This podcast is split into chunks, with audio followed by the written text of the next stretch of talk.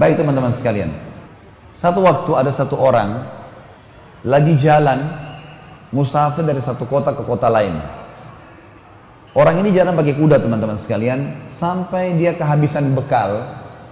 Dia lihat di padang pasir yang luas ada satu kemah di situ. Kemah ini teman-teman sekalian dia turun, dia masuk, dia bilang saya lihat pemandangan yang sangat memilukan.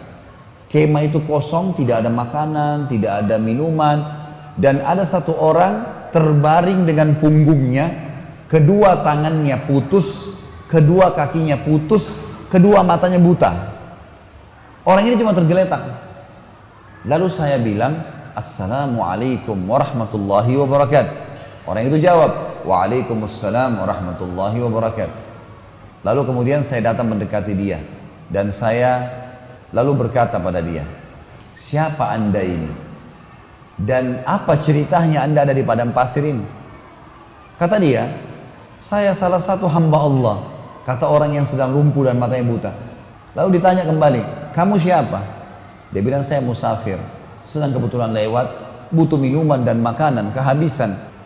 Kata orang ini, Alhamdulillah segala puji bagi Allah yang menyempurnakan nikmatnya pada saya. Ini orang lumpuh yang bilang ini. Tangannya putus, kakinya putus, matanya buta. Kata orang yang datang ini bilang, Wahai Tuhan, apa yang membuat anda bersyukur kepada Allah? Apa yang anda syukurin? Nikmat apa yang sedang ada? Kemahnya kosong, nggak ada orang, nggak ada makanan, nggak ada lumpuh semua. Maka dia bilang, diamlah wahai anak muda. Kamu tidak tahu kalau sebenarnya nikmat Allah sangat besar pada saya. Saya bisa mengucapin kalimat saja sudah menutupi semua kekurangan saya ini. Sebuah nikmat yang tidak terhindar. Alhamdulillah atas segala hal. Orang ini bilang, saya kagum dengan orang ini. Lalu saya bilang sama dia, baiklah, ada yang bisa saya bantu? Kata orang yang pendatang ini. Dia bilang, ada anak saya laki-laki satu-satunya, selalu nemanin saya di sini. Dia merawat saya, dia memberikan minum, dia memberikan makan, sekarang sudah tiga hari nggak balik-balik. Coba kamu cari di sekitar kemah ini. Siapa tahu ada. Dan memang perlu kamu tahu di padang pasir ini yang hidup cuma saya sama anak saya. Nggak ada orang lain. Jadi kalau ada orang kamu lihat itu berarti anak saya. Kata dia baiklah.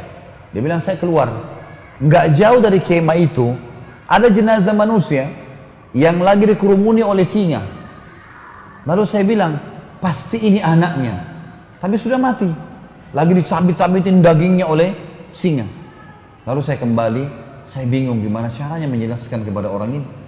Dia sendiri susah, hidupnya di padang pasir sendirian, lumpuh, dan anaknya dimakan singa. Lalu saya pun datang lalu saya mengatakan, wahai saudaraku, kata orang ini pendatang bilang sama orang yang lumpuh ini, wahai saudaraku, apakah anda mengetahui kisah Nabi Ayub? Kata orang itu, tentu saja. Apakah bisa anda ceritakan kepada saya sedikit tentang dia?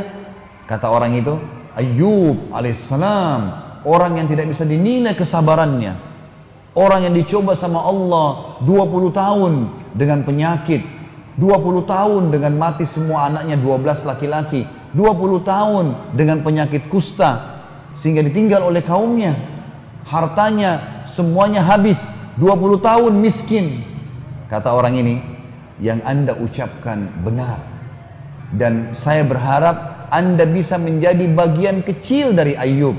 Karena anak Anda, Ayub kan 12 orang laki-lakinya mati. Anda satu anak laki-laki Anda ini sudah mati dimakan singa. Kata dia, saya mungkin berpikir orang ini akan menangis. Dia senyum. Lalu dia mengatakan, Alhamdulillah yang telah membuat anak saya mendahului saya ke surga. Kata orang itu. Kata yang pendatang ini, kok bisa anda bilang begitu? Dia bilang, anak saya ini sangat bakti dengan saya. Menurut pemahaman agama yang jelas yang saya yakini, kalau anak soleh, dia sholat, dia jaga ibadahnya sama Allah, bakti dengan orang tuanya masuk surga. Anak saya begitu, saya yakin dia akan masuk surga. Kata orang pendatang ini, tiba-tiba saja orang yang lumpuh ini bilang, Asyhadu an la ilaha illallah wa anna Muhammad Rasulullah, meninggal dunia. Mati nih si lumpuh nih.